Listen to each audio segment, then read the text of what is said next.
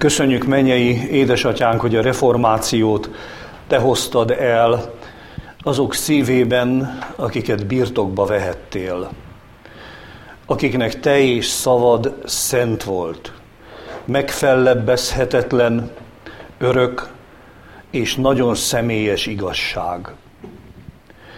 Dicsőítünk, hogy jó akaratod megújulást, változást, gyógyulást munkált, és ma is ezt teszi. Köszönjük, hogy te nem változtál, erőd és hatalmad nem kopott el és nem fogyott meg.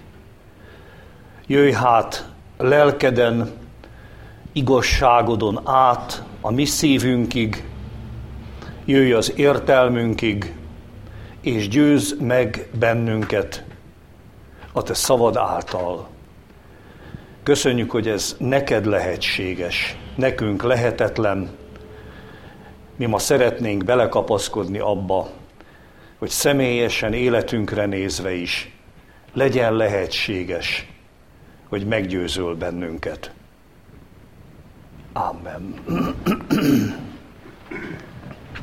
Kedves testvérek, a mai este alap igéje Pálapostolnak a Rómabeli gyülekezethez írott levele 5. részének 12. versében van. Annak okáért miképpen egy ember által jött be a világra a bűn, és a bűn által a halál, és aképpen a halál minden emberre elhatott, mivel hogy mindenek vétkeztek. Vajon igaz-e ránk, elmondható-e rólunk, hogy a reformáció népe vagyunk? Igaz-e rólunk? Elmondható-e rólunk még ez, hogy mi a reformáció népe vagyunk? Vagy ez már így nem igaz? Egyáltalán kell azzá lennünk még? Nem éppen azt várják-e tőlünk, akik a kereszténységről úgy általánosságba gondolkoznak, hogy ideje volna már, ha nem lennének ilyen külön állóak a keresztények. Jó lenne már, hogyha a keresztények valami fajta egységbe tömörülnének, valamiképpen összeolvadnának, egyé lennének. És sokféle impulzust kapunk mind a mai napig e tekintetbe. Római katolikus testvéreink várnak bennünket rendületlenül vissza az egy akolba, az egy pásztor fősége alá. Változatlanul várnak bennünket egy aránylag új dolog is elkezdődött, a zsidó népből, a kereszténységgel találkozók elkezdtek visszahívogatni bennünket a zsidóság felé. Megdöbbentő könyvek kerülnek ebben a témában a kezembe, ebből csak egyetlen egyet szeretnék elétek hozni, ennek ez a címe, hogy Miért Izrael? Ezt egy protestáns Közelebbről egy református holland lelkipásztor írta. És ebben a könyvben, amelyik tulajdonképpen erről szól, hogy a kereszténység, amelynek a gyökerei a zsidóságban, zsidóságban vannak, ideje lenne, ha jó irányba fordulnának a zsidóság felé. Ilyen dolgokat ír ebbe a könyvbe a szerző. Isten csak egy szövetséget kötött. Az új szövetséget is, az új szövetséget is Izrael kötötte. Nem csak az ószövetséget. Csak egy szövetség létezik. Aztán azt mondja a könyv szerzője, Isten egyszülött fia, Izrael, nem Jézus. Izrael. És aztán ilyeneket mond, az emberiség, a népek élete, sorsa egy dolgon múlik. Hogyan viszonyulnak Izraelhez? Aki a nagyobb testvérnek tartja, az áldást várhat Istentől, mert az áldások forrása Izrael. És aki rosszul viszonyul Izraelhez, az átkot von magára, Mert Isten szeme mindent Izraelen lát, átlát.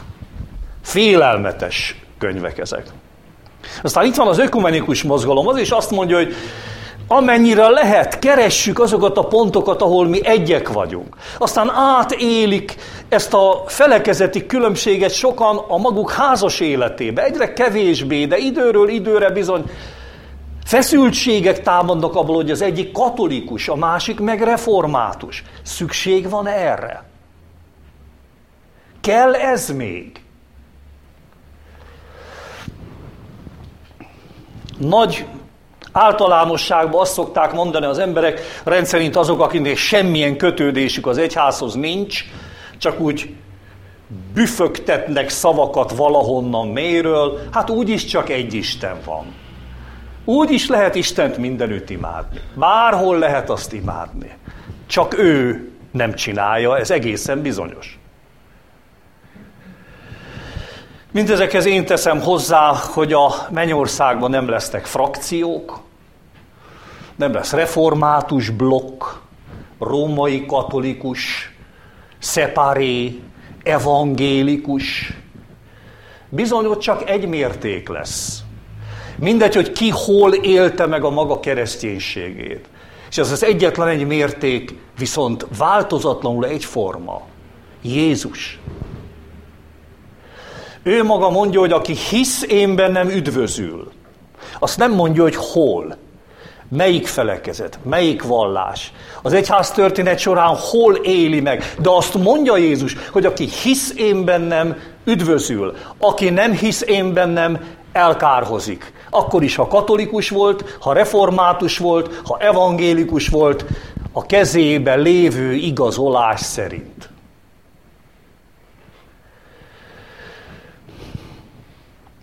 Igen, ha ez így van és így van, akkor miért van ez a sok egyház, vallás, felekezet? Mi szükség van erre?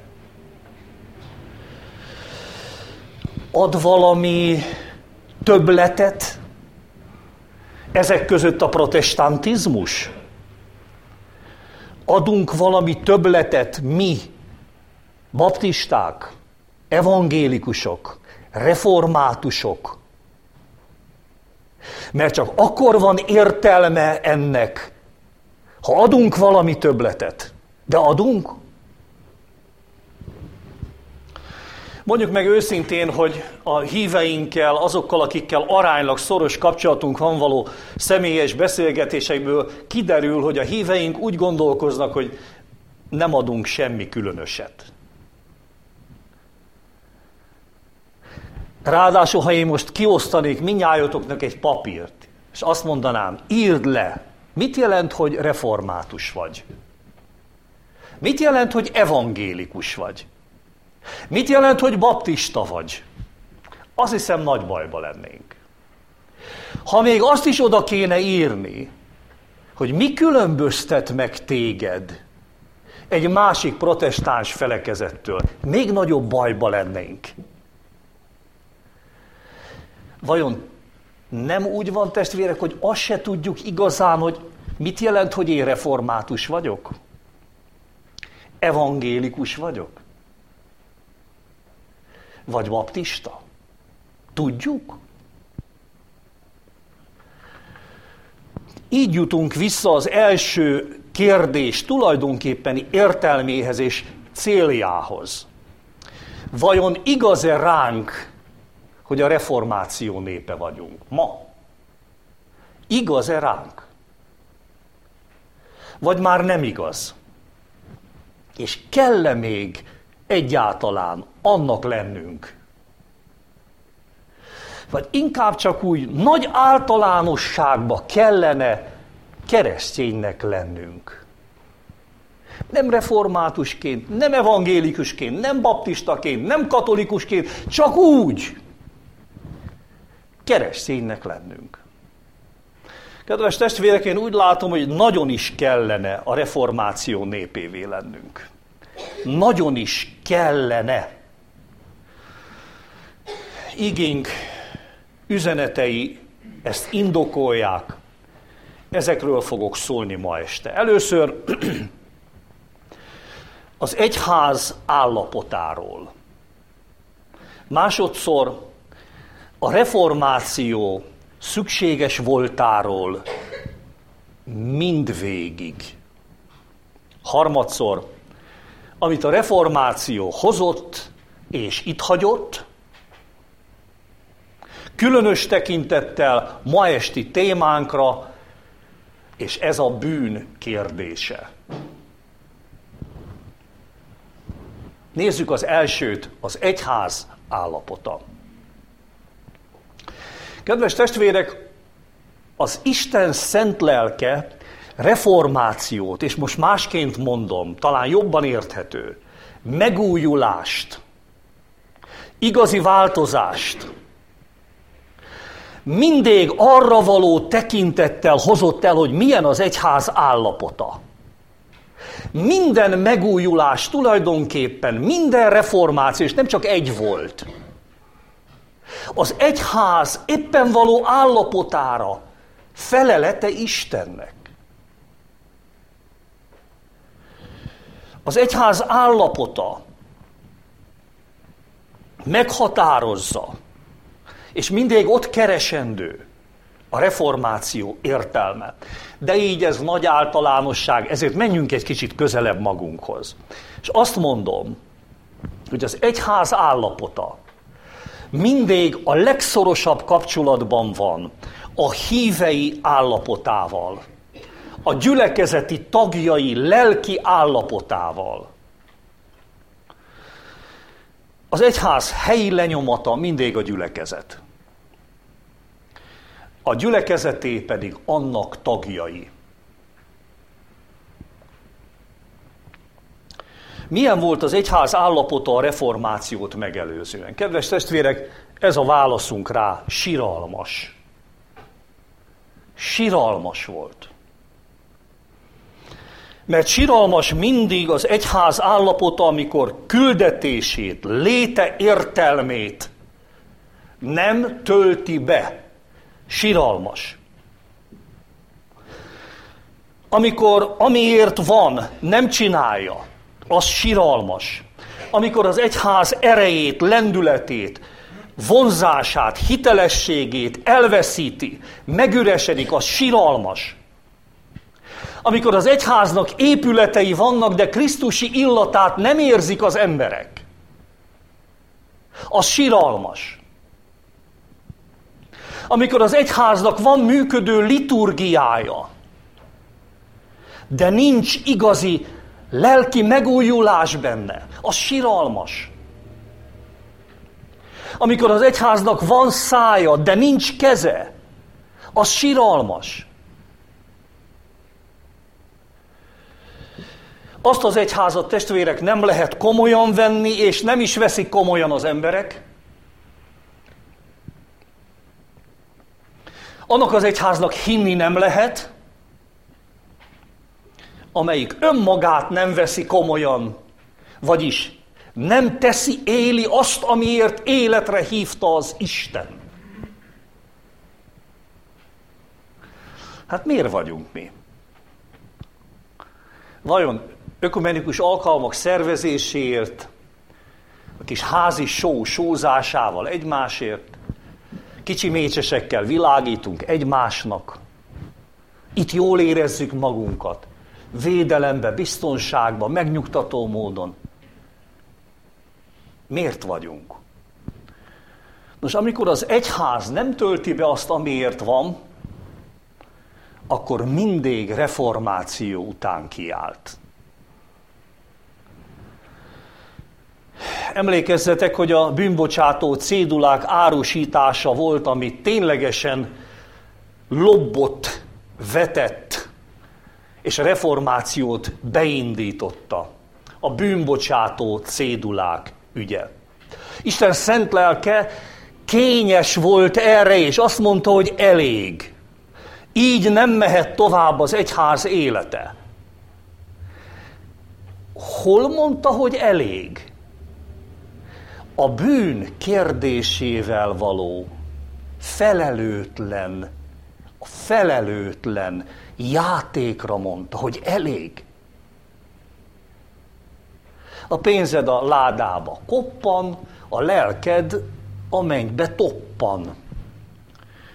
Vagyis a bűnbocsánat, az örök élet kiérdemelhető, megszerezhető, megvehető.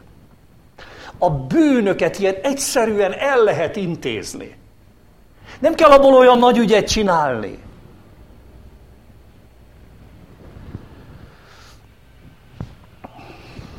A nagypénteki kereszt szenvedésekkel teli Jézusi áldozatától ment a bűnbocsánat meghirdetésének egyházi útja a pénzen keresztül el a reformációig.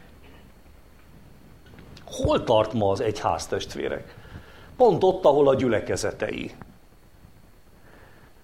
Pont ott, ahol a hívei. Mi. Pont ott tart az egyház. Milyennek látják az emberek az egyházat? Pont olyannak, mint a gyülekezeteit, és benne a híveit. Síralmas. Hiteltelen? Vagy vonzó? Az egyház pont ott tart, ahol én tartok. Az egyház lelki megítélése, annak a függvénye, ahol én tartok lelki értelemben. Meg ahol te. Ahol mi. Mit jelent ma nekünk, akik az egyházat képviseljük és jelentjük, ha kimondom ezt a szót, hogy bűn?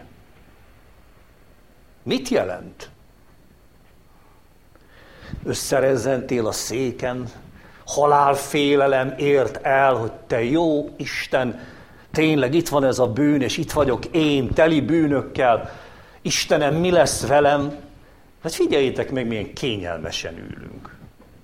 Még azok is, akiknek nem történt meg a bűnügye elrendezése biblikus módon. Tehát kárhozatban vannak. Rezzenéstelenül tudunk ülni, igaz? Ha ma valaki bűnbocsátó cédulákat árulna, el tudná adni? El tudná adni. Lennének vevők. Van, aki többet is venne családtagjainak is.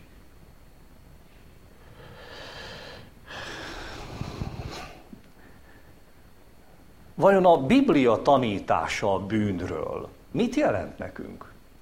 Nem azt jelenti, hogy van egy bűnös világ, és rengeteg dolgot tudunk elmondani az emberekről, akik szegények, süketek, buták, bűnösek, züllöttek, erkölcstelenek.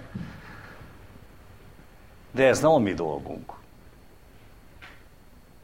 Vagy tudunk esetleg dogmatikai tantételeket mondani a bűnnel kapcsolatosan. Ez meg nem a feladatunk. Esetleg ismerjük a bibliai történetet, hogy hogy is kezdődött ez a bűn dolog. Szóval ott volt az édenkert, jött a kígyó, ravaszabb volt az embernél. Az ember elbukott. És azóta állítólag minden ember nem csak bűnben fogantatik, de bűnben születik, és naponta csak szaporítani tudja a bűneit. Hát így szól a tantétel. Hogy ez engem érdekel-e? Nem.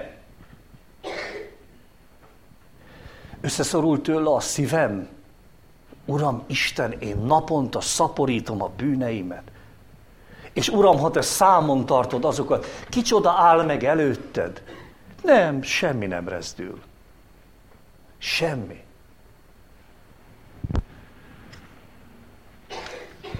Az egyház állapotának tévedhetetlen lelki hőmérője, hogy forró,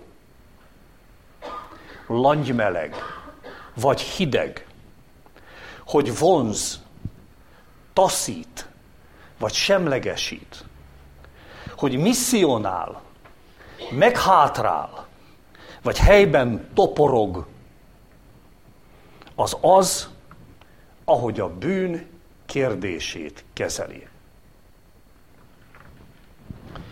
Ne felejtjétek, testvérek, hogy Istennek is az volt a legnagyobb ügye, hogy a bűne által megromlott embert megmentse. Jézus azért jött és ment a Golgota keresztjére, mert volt az embernek egy óriási ügye, amit nem tudott megoldani. És ez a bűne ügye. Az Istentől ihleted Biblia központi tanítása a bűn bocsánatról szól, Isten kegyelméről szól, Isten válaszáról, a bűnünkről.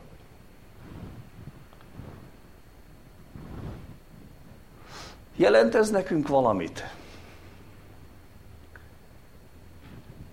A reformációra azért is szükség volt, mert az ember felelőtlenül, könnyedén kezelte a bűnkérdését, azt, amiben Jézus belehalt. És mindig reformációra van szükség, mindig reformálni kell, mindig szükség van Isten megújító munkájára ha az Isten legnagyobb ügye, a szabadítás ügye a bűnből, még a hívei szemébe is egy könnyedén vehető dolog. Azt tudjuk, hogy a világ hogy néz a bűnkérdésre. Nem látjátok napi sajtóba leírva ezt a szót, nem halljátok a televízióba, a rádióba, de vajon nekünk is valami könnyed kérdés? Nos, testvérek, amikor elveszítjük a bűn érzékenységünket, akkor mindig megtérésre van szükségünk. És hogy érzékenységünk van-e még a saját, nem a szomszéd, nem a menyünk, nem a főnökünk, hanem a saját bűnünkre. Hogy még bűn érzékenye a szívünk, amiben Isten fia belehalt. Még érzékenye. Ha elveszítettük, akkor megtérésre van szükségünk. És hogy kinek mit jelent az, amiben Jézus az ő életére nézve is meghalt a Golgotám, azt itt mindenki tudja magáról. Rendben vagyunk. Csak egyetlen egy konkrét dolgot hadd mondjak. Rendben vagyunk. Nincs túl sok házasságtörés és vállás a gyülekezeteinkben. Testvérek, rendben vagyunk. Jaj, ha megköveredik a szívünk, mint az öreg éli főpapé, aki elnézte a két fiának, Hofninak és Fineásnak a bűnét, és hiába szólt Isten neki, hiába figyelmeztette. Természetesen elfogadta a gyerekei bűnben való életét. Jaj, ha megkövéredik Isten népének a szíve. Vajon a bűnkérdésben még a reformáció népe vagyunk? Vagy már nem kell azzá lennünk? Igazodjunk inkább a világhoz. Nos hát, mit hozott a reformáció? Ez a harmadik pontom rámutatott a Bibliára, és azt képviselte. Menjünk vissza ide egészen a Szentírás igazságáig, az emberi bűn kérdésében is. Ezért végül három nagyon egyszerű gyakorlati példát és nem elméletet fogok elmondani. A bűnről. Mi a bűn? Kedves testvérek, a bűn az, ami Ádámmal bejött a világba, és az jellemzi, hogy mindig megsötétedéssel jár együtt. Megsötétedéssel. A bűn biztos jele, hogy látászavarom keletkezik. és ebben eljuthatok a teljes lelki vakságig. Amikor az ember életébe valami bűnné lesz, akkor valami fajta megsötétedés is elkezdődik. Mert ahol bűn van, ott sötétség is van. És ahol megjelenhet Isten bűnbocsátó szeretete, ott megjelenik a világosság. Valljuk az igével, hogy lábamnak szövét neke a te ígéd. És ez így van. Ahol az íge azonban nem győz, ahol Isten szava nem lesz egyértelmű szó az én számomra, elsötétül a világon. És megkezdődik a bűnbeesések sora. Megkezdődik a belegabajodás a világba.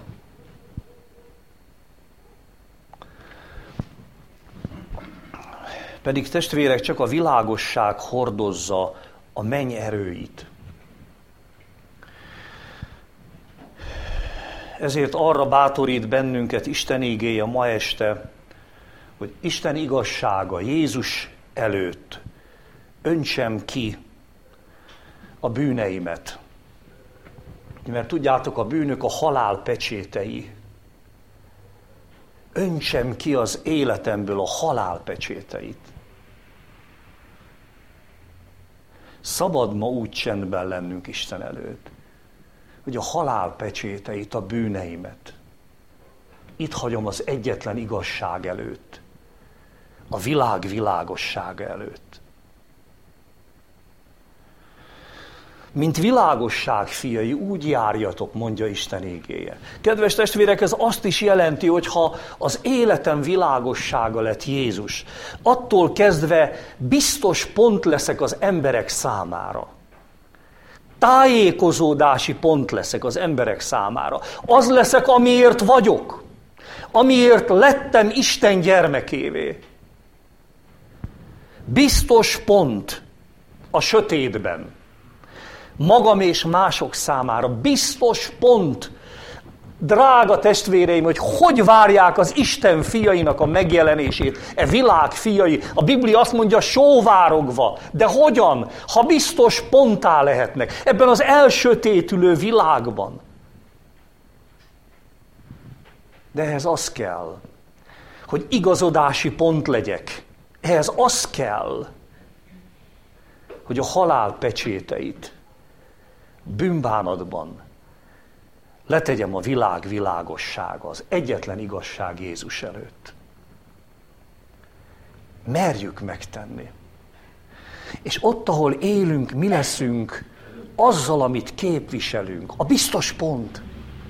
Ebben az elsötétülő világban. Drága testvérek, sokan azt gondolják, hogy én magam vagyok úgy, ahogy a világosság, mert templomba járok, meg Bibliát olvasok, meg igehirdetést hallgatok, és nem értjük az embereket, hogy miért járnak körülöttünk is vakon. Mert csak az lesz igazodási pontá otthon. Csak azt hitelesíti Isten szent lelke az emberek előtt, aki a halál pecséteit, a bűneit letette Jézus elé.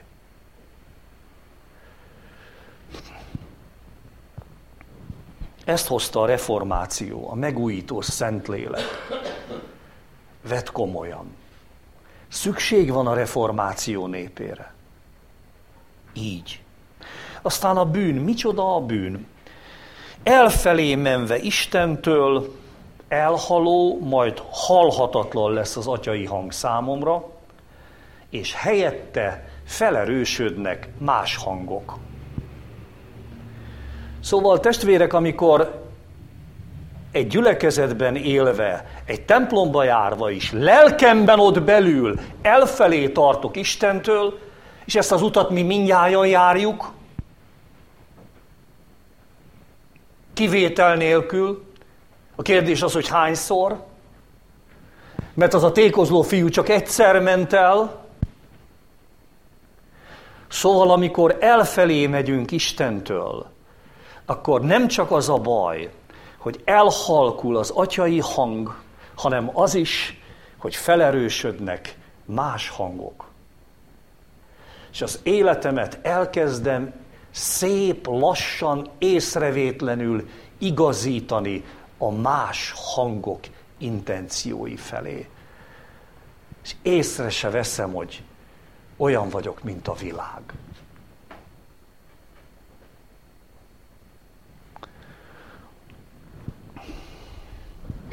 Ez a hallás zavaros helyzet. Ez a hallás zavaros helyzet. És ebben el lehet jutni a teljes lelki megsüketülésig. Az atyai hangot nélkülözve, amelyik azt mondja, hogy te vagy az én szerelmes fiam, elveszítjük a lelki, szellemi dolgok iránti teljes érzékenységünket. Egyszer csak már semmit nem jelent, hogy igét hallgatunk. Semmit. Egyszer csak már semmit nem jelent, hogy Bibliát olvasunk. Egyszer már semmit nem jelent, hogy imádkozunk. Mindenfajta érzékenységüket, érzékenységünket teljesen el tudjuk veszíteni. Teljesen. Milyen az egyház? Olyan, mint benne én. Meg te. Meg a gyülekezeteink.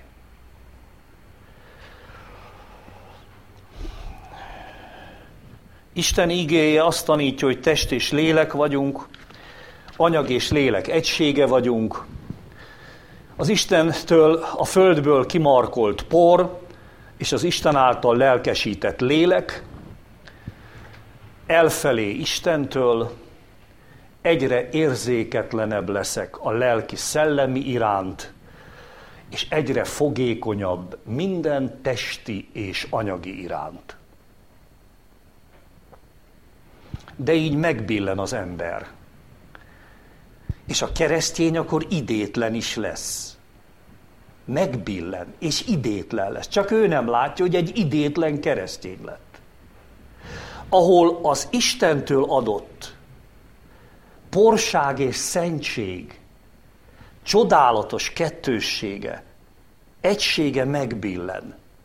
És elindul a keresztény a porsága felé elhagyja a szentséget. Aztán belegabajodik a világba, és egyszer ott van a vájónál.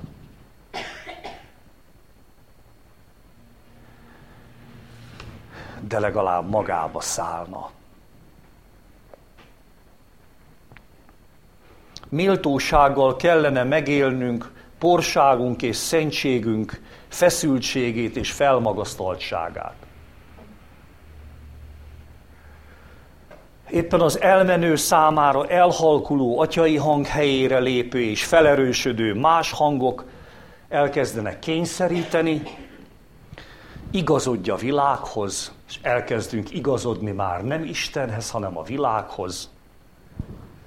Kezdünk engedni ezeknek a más hangoknak a romlásba vivő szavának és erejének. Egyszer csak elkezdek nagyon megfelelni akarni mindenkinek. Egyszer csak elkezdek már nagyon tetszeni akarni embereknek. Óriási erőket, energiákat áldozunk arra, hogy az emberek elfogadjanak és szeressenek, megbecsüljenek és értékeljenek. De csak az atyától fogjuk hallani. Te vagy az én szerelmes fiam, te vagy az én mindenem. Fiam, mindenem a tiéd. Mindenem a tiéd. A bűn azt jelenti, hogy sötétbe menni és sötétbe lenni. A bűn azt jelenti, elfelé és elmenve nem hallani semmit az atyai hangból. És testvérek, amikor elfelé tartunk így belül, akkor egyúttal mindent megtagadunk, amit otthon kaptunk és hallottunk. És a harmadik Bűn az, ami annyira megkeményíti a szívemet, hogy sem gyermek, sem testvér nem tudok lenni. Nem tudok az atya gyermekévé lenni, sem a másik ember testvére. Vannak testvéreid? Vannak lelki testvéreid? Igazán az atya gyermeke vagy? Gyermekké lenni az azt jelenti, hogy megyek az ártatlanság felé. Nem a gonoszság, nem a ravasság, nem az ügyesség, hanem az ártatlanság felé. Az atya gyermekévé nem tud lenni az, akinek keményedik a szíve, és nem tud testvére lenni a másiknak. Ilyen az testvérek, amikor a harag és a féltékenység fogságába esünk, azok keményítik a szívünket.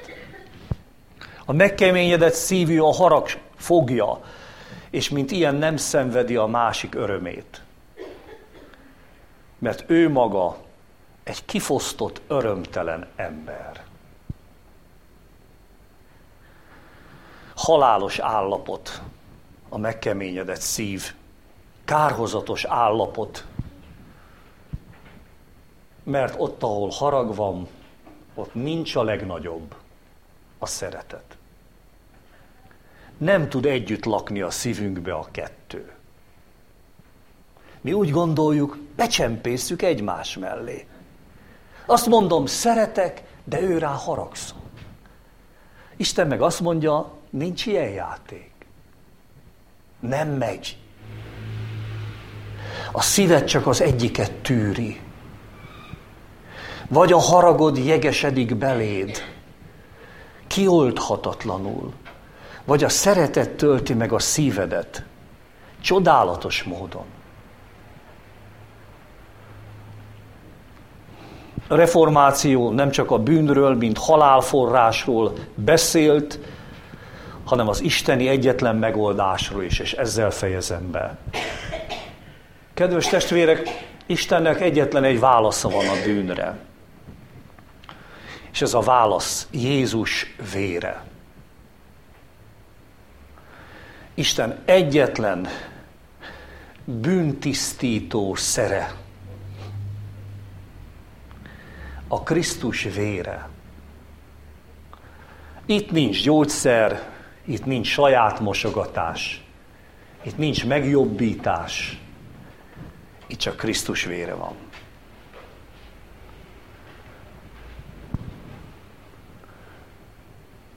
Adja Isten, hogy úgy legyen szükség ránk protestánsokra, a keresztények nagy világában, magyar hazánkban, azon a helyen, ahol élek és élsz, hogy Jézus vére által szívtisztított élet lettem. Igazodási pont. Aki minden bukás után fel tud állni, tudja, hogy hol lehet felállni. A Golgota keresztje alatt. Íme Isten válasza az én bűnömre. Nem csodálatos? Isten válasza a kereszt. Ma este is. Imádkozzunk. Úr Jézus, köszönjük neked, hogy ott hagytad a menny dicsőségét, és örök időknek előtte igent mondtál arra, hogy mi a legrettenetesebb fogság rabjaiként, a bűn fogjaiként mégis szabadok lehessünk. Köszönjük, hogy a te véred oldja meg a bűn kötözését, a te véred oldja meg életünk minden bűnhöz kötöttségét a te véred tisztít meg. És köszönjük, hogy ezt kész vagy adni. Bocsáss meg nekünk, hogy olyan sokféleképpen hiteltelenítünk mi téged. Olyan sok rosszat olvasnak le az emberek az egyházról, amikor ránk néznek és velünk találkoznak. És magasztalunk, amikor valamit a te ígéd és lelked el tud bennünk végezni. És valami vonzót olvasnak le az emberek, és megérzik a Krisztus jó illatát, és meglátják, hogy igazodási pont vagyok, hogy a világ világosságával járok együtt. Aki nem szégyelli a Krisztus evangéliumát, mert tudja, hogy minden ember számára az az üdvösség útja. Tégy bennünket újra és újra azzá, amiért egyszer akartál, hogy legyünk. Amiért az egyházadat életre hívtad. Amiért az egyházat őrzöd, tartod, véded, hogy azt betöltsük. Ott, ahol mi vagyunk, a te egyházad. Amen. Mondjuk el az Úrtól tanult imát. Ti azért így imádkozzatok. Mi, atyánk, ki vagy a mennyekben, szenteltessék meg a te neved, jöjjön el a te országod, legyen meg a te akaratod, mint a mennyben, úgy a földön is.